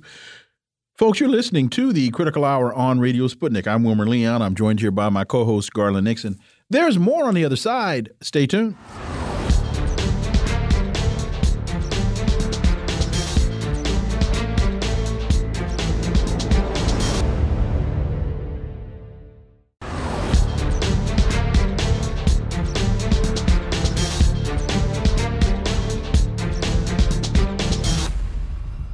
We are back, and you're listening to the Critical Hour on Radio Sputnik. I'm Wilmer Leon, joined here by my co host, Garland Nixon. Thank you, Wilmer. There's an interesting piece in Mint Press entitled Israel Was Never a Cohesive Democracy, and its disintegration was inevitable. Israel is a nation grappling with deep internal divisions, and unfortunately, it is the Palestinian people who are paying the heavy price. Recently, a group of Israeli reservists known as Brothers in Arms made headlines by refusing to fulfill their reserve duty in protest of the newly passed judicial reform. Their stated concern was for the preservation of Jewish democracy, with an emphasis on creating a better future for their children within the system. Well, what does this really mean, and what signals does it send regarding the future of the settler colony? Well, for insight, let's turn to our next guest. He's a Mint Press News contributing writer, published author, and human rights activist born in Jerusalem. His latest books are The General's Son Journey of an Israeli in Palestine and Injustice, the story of the Holy Land Foundation 5. And he's the author of this piece. Miko Peled, as always, welcome back. Thank you. Good to be with you. So you continue. Some of the refusers who sat with their backs to the cameras, probably because they were members in some of Israel's highly secretive death squads, known as the Special Forces, said they were concerned about the nature of the Israeli army, but what was it that they did not mention, even once? The rights of Palestinians. Miko Peled. Yeah, uh, first of all, these these war criminals who are pretending to be patriots, you know, pretending to be fighting for some democracy, the illusion of a democracy that doesn't exist, um, is is a, is a joke. I mean, they're pretending that there's such a thing as Israeli democracy. Now, we, the Israel is an apartheid regime. We understand that. It's a it's, it's a country where Palestinians have no rights or privileges. Israelis do. But among Israeli society, there are several levels of, of um, you know, socioeconomic levels like any other place. And, and each one of these groups, um, you know, their privilege is determined upon, you know, the country of their ancestors and the color of their skin. These guys, these officers and commando officers and fighter pilots and so on, I mean, they all look like me. They have white skin. Their parents came from from Europe, or their grandparents came from Europe, and they are the privileged among the privileged. And this entire charade of a fight for democracy that we're seeing in the streets of Israel is really that segment of the society. It's that part of the society. It's the privileged among the privileged who whose homes are not in jeopardy, their livelihood is not in jeopardy. Their lives and the lives of their children are not in jeopardy. They are wealthy, they are fine, and they're out there because they feel that there's, uh, you know, some of the privileges are being eroded. And it's interesting because the conversation is about them uh, is so myopic. It's almost like they live in some kind of virtual reality where nobody else exists. I mean, the differences and the, the, the racism and the discrimination among Israelis within Israeli society between the different groups is is striking when you get to know it, when you know the details. And um, and you know it's it's it's it's it's such pretense, it's such hypocrisy, it's such a lie, and it's so unbelievably fictional. You know, they're pretending that something exists where it doesn't exist, and um, and they're completely ignoring the reality all around them. You know, and the other thing is this I think it shows that they understand the principles of democracy and justice because when they don't get justice and democracy, they understand the principles and they can clearly see, hey, there's no justice and democracy here. But they don't take into account it is a very selfish view that says if I don't get what I consider justice and democracy, I must act and fight for it. But they don't understand, they don't have any strategic empathy, as it were, for anyone else who doesn't doesn't get just justice and democracy. Your thoughts? No, precisely. That's exactly it. I mean, look, and this goes, you know, suddenly, you know, the U.S. this Biden administration is so concerned about this issue. Where were they when people of color within Israeli society were protesting? The Ethiopian uh, Ethiopian uh, um, society within that society, because you know Israel brought Ethiopians from Africa, and they're a large community now. They were protesting against discrimination. You didn't see President Biden, you know, talking about it. Before that, the Jews that came from Morocco and other other countries in the 70s were protesting.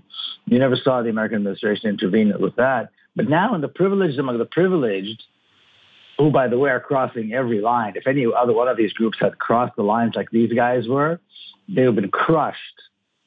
Uh, these guys are all, you know, they're privileged, and so they're being handled with with kid gloves. Um, and and, and suddenly the whole world is concerned about uh, concerned about the rights of of, of, of Israelis within their democracy. You know, it's really appalling to see. And you know, you read. I don't know if you guys saw, but you know, Thomas Friedman wrote about this impend this you know Israeli Saudi American deal that, that Biden is trying to stitch together, and it's like he too he lives in this in this world of, of illusion that doesn't exist about Israel, about Israeli democracy, about the Palestinians. I mean, I, it's just unbelievable to see how the Zionists don't see the world as it is. It's like to them, the world is flat and there's nothing you can do about it.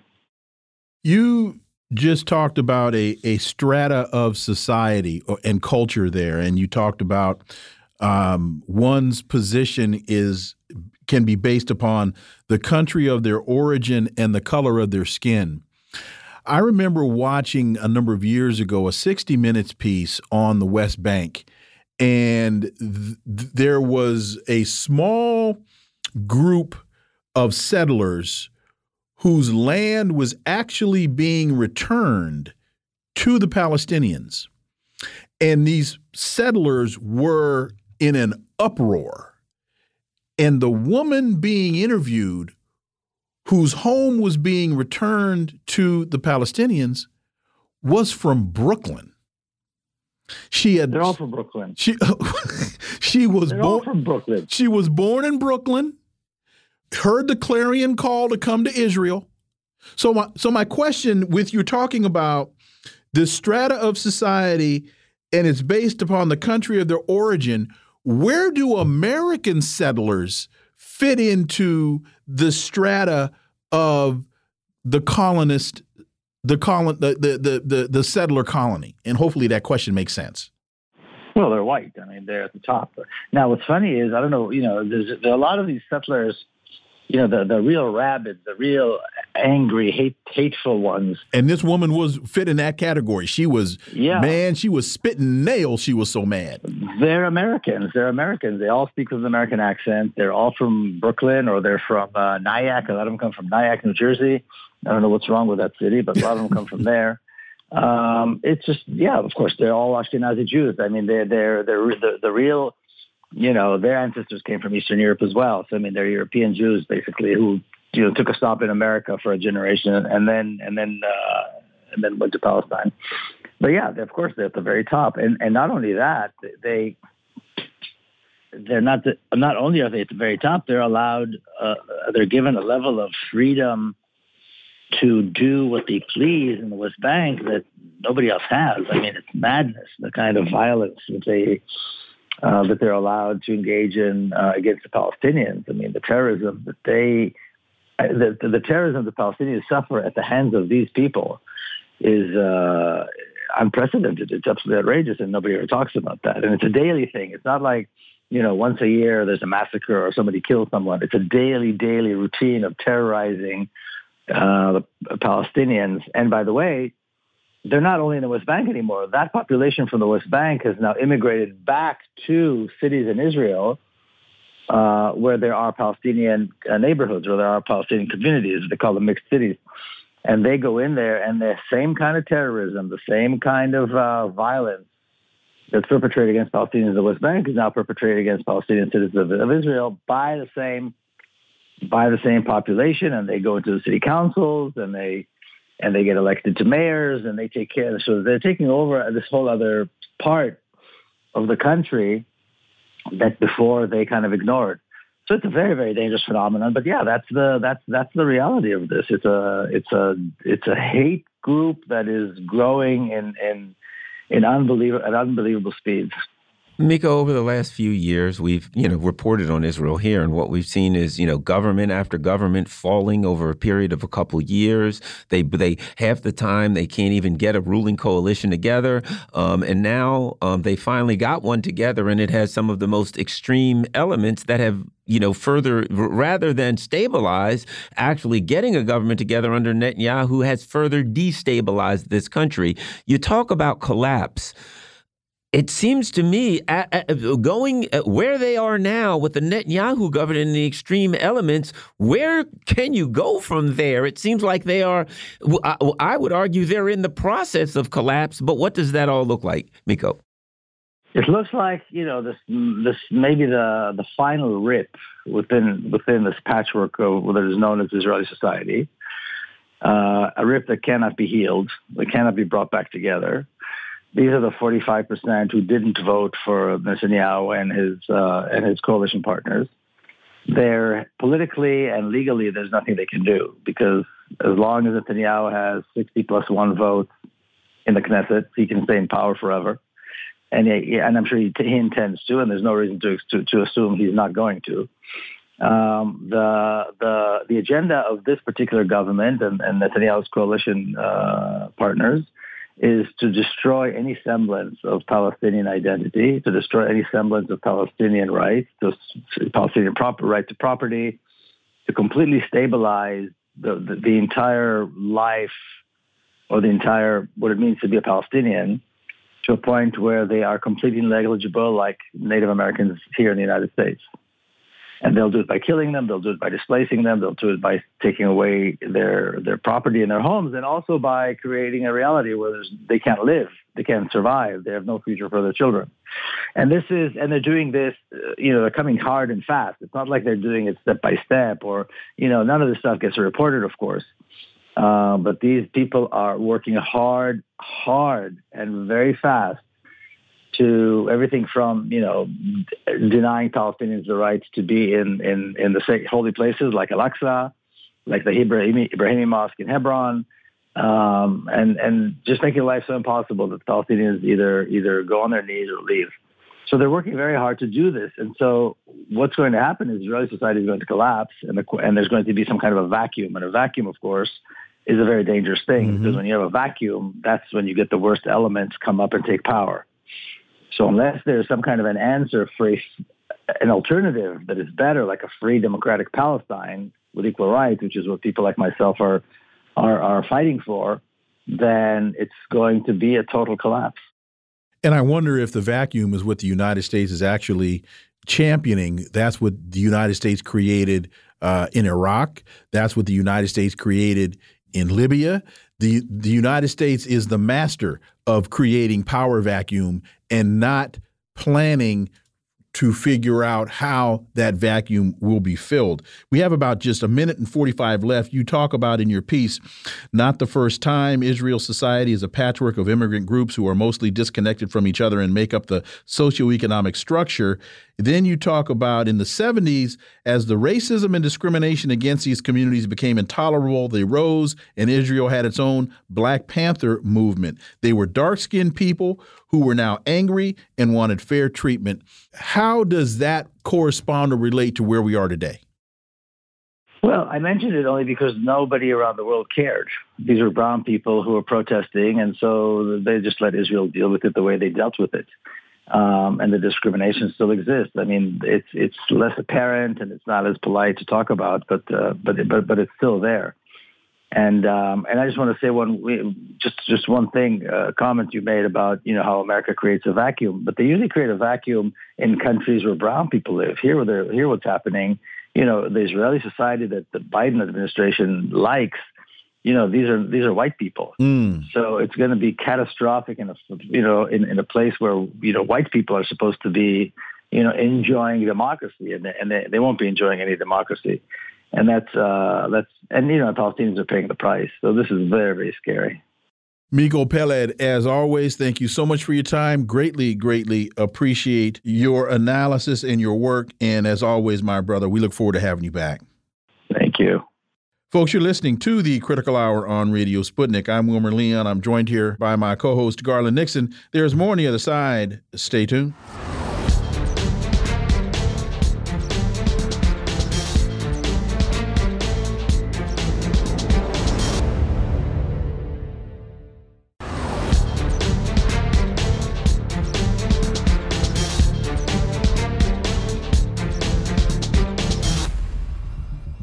We are back, and you're listening to the Critical Hour on Radio Sputnik. I'm Wilmer Leon, joined here by my co host, Garland Nixon. Thank you, Wilmer. The New York Times has an interesting op ed entitled, It's Time to Reacquaint Americans with the Possibility of Changing the Constitution. Here's where to begin. Uh, this past April, the Senate held a vote on the Equal Rights Amendment, the latest development in a century long effort to amend the Constitution to explicitly guarantee sex equality. The ERA resolution received 51 bipartisan votes but fell short of the 60 votes necessary to advance under the Senate's current rules. The fight for the ERA remains critical. With Roe v. Wade now toppled, it is in fact more critical than ever. For insight into this, let's turn to our next guest. He's an independent investigative journalist and author of three books The Frozen Republic, The Velvet Coup, and America's Undeclared War, Daniel Lazare. As always, Dan, welcome back. Uh, thanks for having me.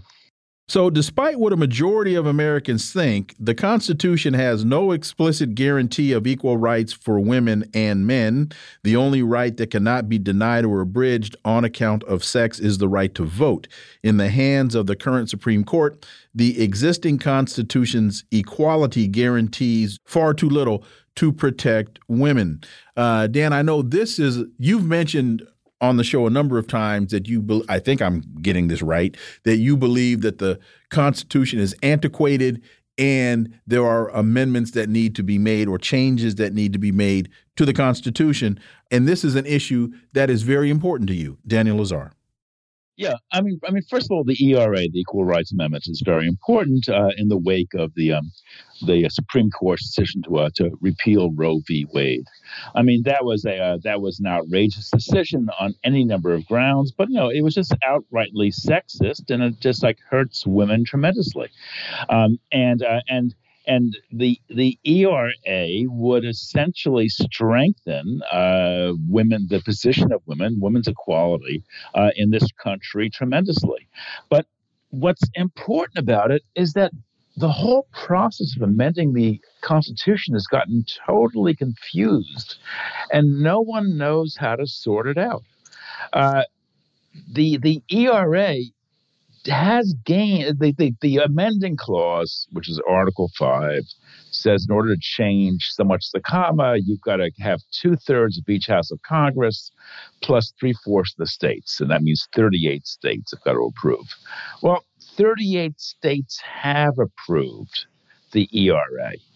So therefore, it should be part of the Constitution except that Congress attached a seven year deadline when it approved the ERA back in 1971, I believe it was. Um, now, no one knows whether Congress has the authority to do that, whether Congress could now repeal that deadline and therefore validate uh, the amendment is completely up in the air. Um, but there's no way of answering this question as, as to whether the, the deadline was valid, whether the deadline can be repealed. Um, and there's no way, essentially, of sorting these questions out. So we're kind of in a constitutional no man's land. And, um, and it's very distressing because the amending process is totally broken down. We haven't amended the Constitution in a major way really since perhaps 1952, and that's 70 years ago. The document is frozen. Our system of government simply is not working. Uh, we're dealing with a, a 235 year old document, which is basically you know written in stone impossible to change and i think this is like really one of the factors that are real that is really killing american democracy and we see american democracy falling apart right before our eyes, you know, every single day. So I think this is one of the the key factors.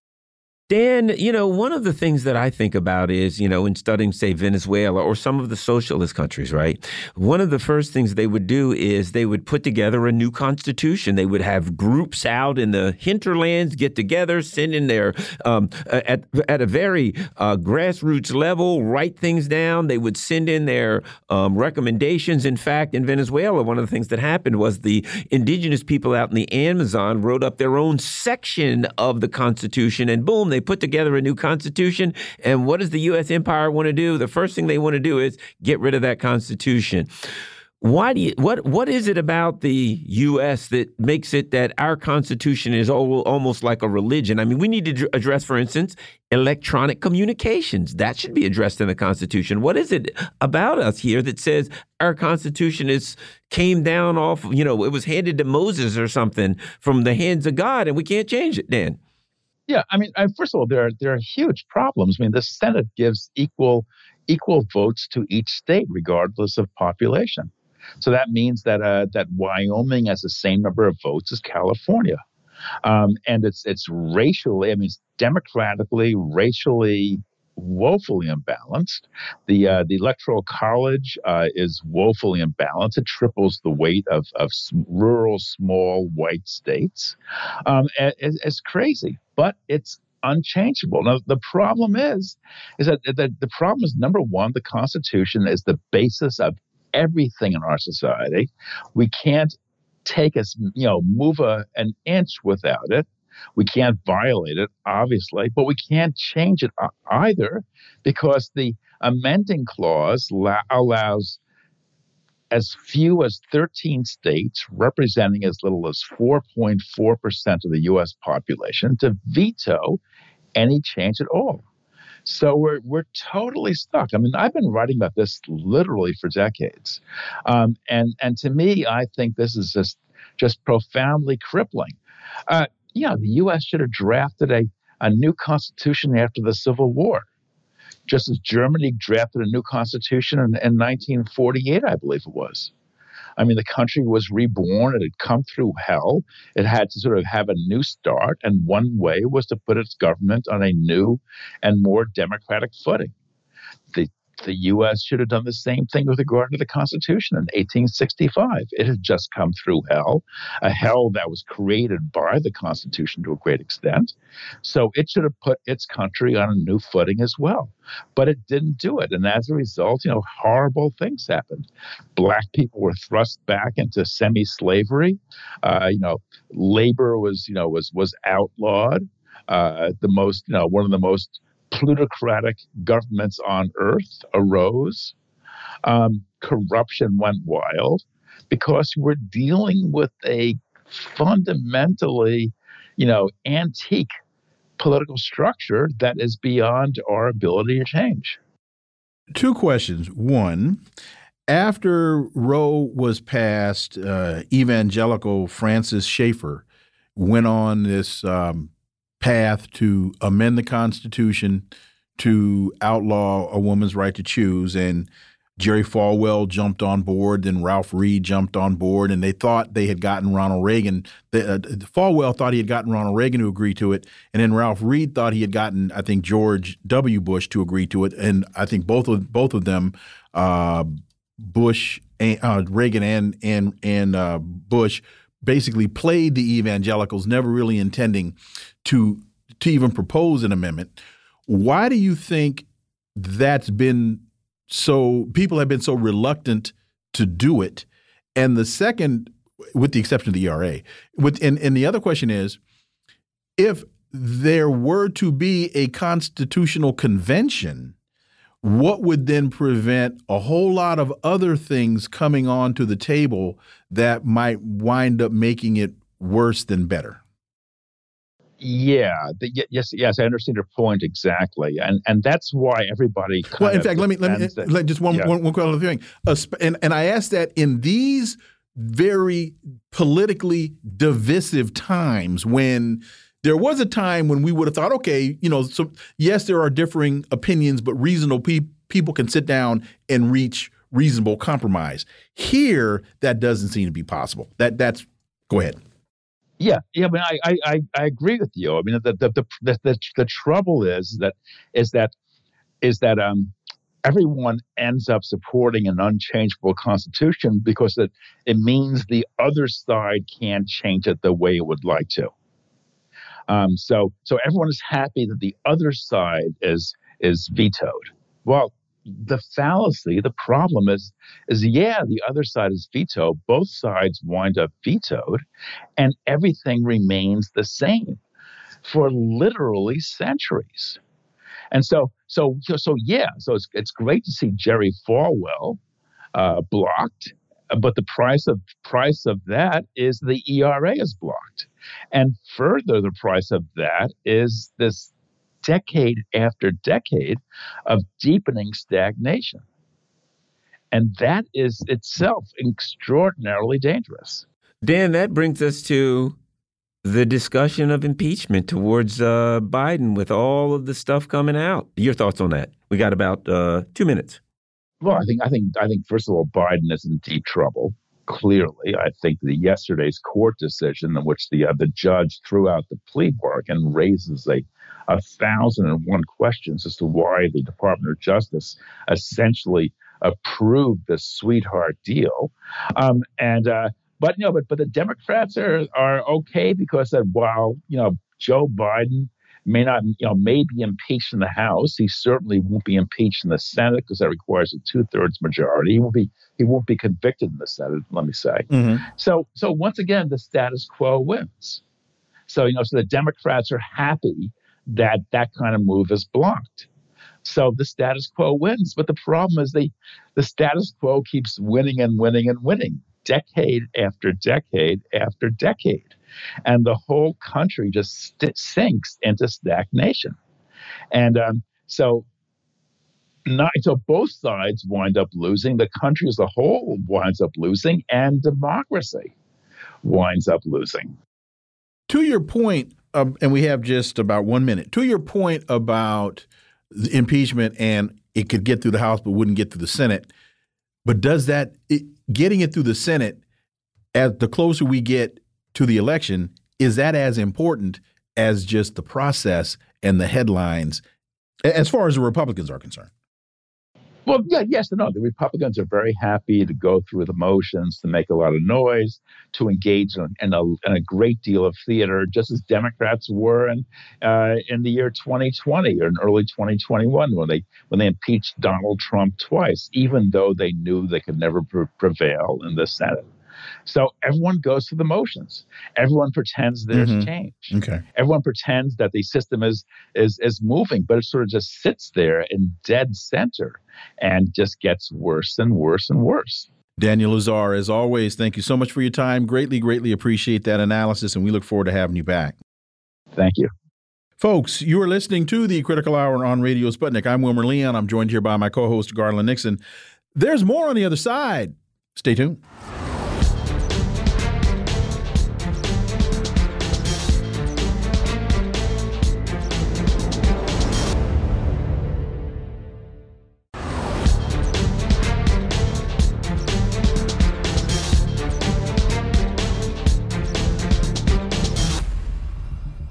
We are back, and you're listening to the Critical Hour on Radio Sputnik. I'm Wilmer Leon, joined here by my co host, Garland Nixon. Thank you, Wilmer. China Daily reports U.S. chip export curbs may fuel market uncertainty. Chinese market too big to be ignored, expert says. As Washington considers tightening chip export restrictions on Beijing, some of the United States' biggest semiconductor companies and an industry group have called on the U.S. government to stop further controls, warning of diminished competitiveness, supply chain disruptions, and significant market uncertainty.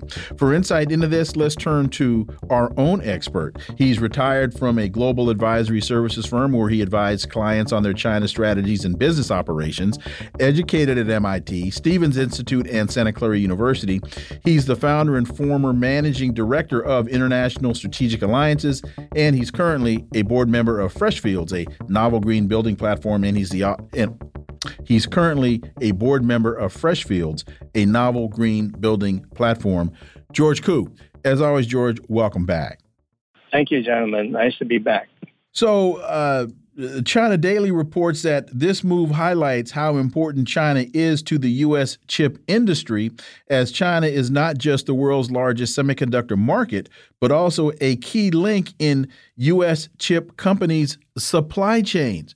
And George, this is not some new revelation. Uh, it's it's almost it's almost as though uh, those in the Biden administration that are promoting these policies are ignoring reality. Well, they yes, they are selectively ignoring reality. They don't want to understand and realize that the the future of American semiconductor industry is dependent on a complete global circle, including China. Uh, recently, there was an article in National Interest by David Goldman that pointed out what's unusual about the semiconductor industry versus any other industry is the amount of R&D investment that goes into it. In the semiconductor, the total industry invests about um, almost yeah about a third sales revenue in R&D. This is one third of sales revenue, not one third of profit. And the reason they have to put so much money, reinvest in R&D, is because the technology to make the advances, you have to invest in expensive equipment, expensive science, expensive uh, all the supply chain components that goes into it, and that's how you stay ahead. And when Biden asked all the major um, the American industry to give up selling to China, which is about what over 30% of the total sales of the global market, so, so what Biden is asking the U.S. Amer- uh, semiconductor industry to do is tantamount to cutting off their own arm to, for the sake of denying China chips um, and te- chips-related technology. Well, in point of fact, without that huge amount of revenue from China, they don't have the funds to reinvest to develop, continue advances in technology. And that really is the problem. To, say denying China is to protect U.S. security is really a excuse that is not based on facts. Because as we are already finding out, China, by not buying U.S. chips, they are re- in, reinvesting. They're doing their domestic sales reinvesting in their own R&D, and they're starting to develop, as we see in some of the uh, YouTube podcasts, that they are developing alternatives to uh, to American-based technology and American-based chips. So essentially, the leaders like NVIDIA, Qualcomm, Intel, and all the other major makers they're going to see shrinking sales and they're not going to be able to grow, and dominate as they have been so far. I had written some years ago that the, semic- the global semiconductor industry is a one of the classic virtuous cycles, a virtuous cycle involving U.S., Taiwan, and China. U.S. designed the chips, Taiwan has the advanced technology to make the chips. China buys the chips, assembles, puts it in the in the, all the devices, whether it's iPhone or computer and so on, and then those are shipped all over the world, and everybody in the chain makes money. What Biden has done is to completely disrupt this chain, and everybody is going to be losing money, except that in the in the long term, I think China's resilience will make them recover much faster than um, than the U.S. is able to catch up and, and, and maintain its lead. You know, George, um, in in in talking about this particular situation, isn't this overall, additionally, kind of a metaphor for the whole concept of the U.S. trying to constrain or contain China, in that the two economies and technolo technology, um, whatever you want to call them, the technological advancement uh, groups, are so inextricably linked that it's like if I got a wagon and I got two horses, and I say, well, I know what I'm going to do. I'm going to break the knees of one of these horses. The horses are tied together if one of the horses can't move, it's going to the whole wagon can't move. So it's kind of this this is a metaphor to me for the whole thing of the US saying we're going to contain an economy that we are dependent upon to be economically successful ourselves, George. Right. But in the meantime, you know, rather than dealing with a broken horse, China has moved on and found their own wagon to keep going. And um, and indeed, if you look at some of the technological advances China has made, in many areas, they have surpassed the, the U.S. And the reason is because you, China has continued their advanced manufacturing, whereas U.S. has given up manufacturing. So how does this show up? Well, it shows up in electric vehicles. Number one producer electric vehicles. And how do they get to this number one position? Because they have the technology for the for the advanced electric vehicle batteries. Nobody else has it. Uh, the Fords of this world and Tesla and others they're asking for American government permission to bring in the Chinese battery technology into the U.S. so that they can make take advantage of the battery technology. Biden says, "Yeah, okay, you can do that, but the battery has to be the components of this e- electric vehicle battery has to be sourced a certain majority percent from U.S. sources." Well, that's that's an impossible uh, requirement. It's like two broken horse, knees with two broken knees. it's not going to fly. But that's the way the Biden administration thinks. The the other thing that it's worth noting is that because of China's manufacturing prowess, for every destroyer that China can make, a U.S. can make, China can bring out six, seven, maybe even 10. And these 10 will have advanced weaponry, whereas the current Navy fleet in, in the U.S. are, are 30 year old clunkers with no advances. And again, most of their shipbuilding manufacturing has gone away. So it's a very unrealistic dream that the Biden team is uh, is dreaming, and the nightmare will come and bite them and will come and bite them soon.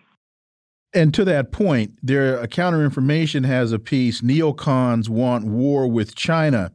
And they talk about the fact that Kissinger made this trip to China, but they point out he was not representing the current administration and that it's Edward uh, Luttwak 80 years old, who may not be as visible as Kissinger, but behind the scenes, Luttwak is the guy that is pushing this war or giving at least the ideological justification to, to those in the Pentagon, and that uh, William Burns, uh, the diplomat, is also involved in this Luttwak mindset as well.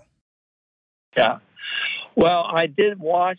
I, I read the um, article by uh, Escobar, but I also watched the YouTube interview of Luttwak. I, I forgot who interviewed him, but the guy is a raving maniac. He doesn't know China, and he focused on a couple of themes and won't let go. You know, uh, his theme is Xi Jinping is a strongman, dictator, single-minded, out to out to dominate the world and and and uh, and replace the U.S.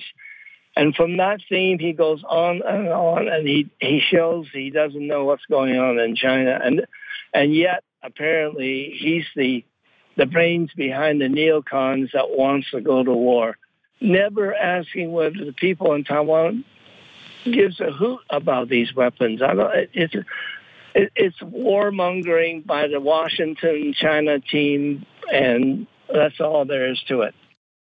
And if uh, the DPP, I think, uh, loses in the upcoming election, it, it'll it'll all be for naught. Yeah, very true. Very true. As always, uh, thank you so much for your time. Greatly appreciate it. We look forward to having you back. Thank you. It's a pleasure, gentlemen. Folks, you've been listening to the Critical Hour here on Radio Sputnik. Thank you for allowing our voices into your space. On behalf of myself and my co host, Garland Nixon, we hope you were informed and enlightened, and we look forward to talking with you all right here tomorrow on Radio Sputnik. Be safe. Peace and blessings. We're out.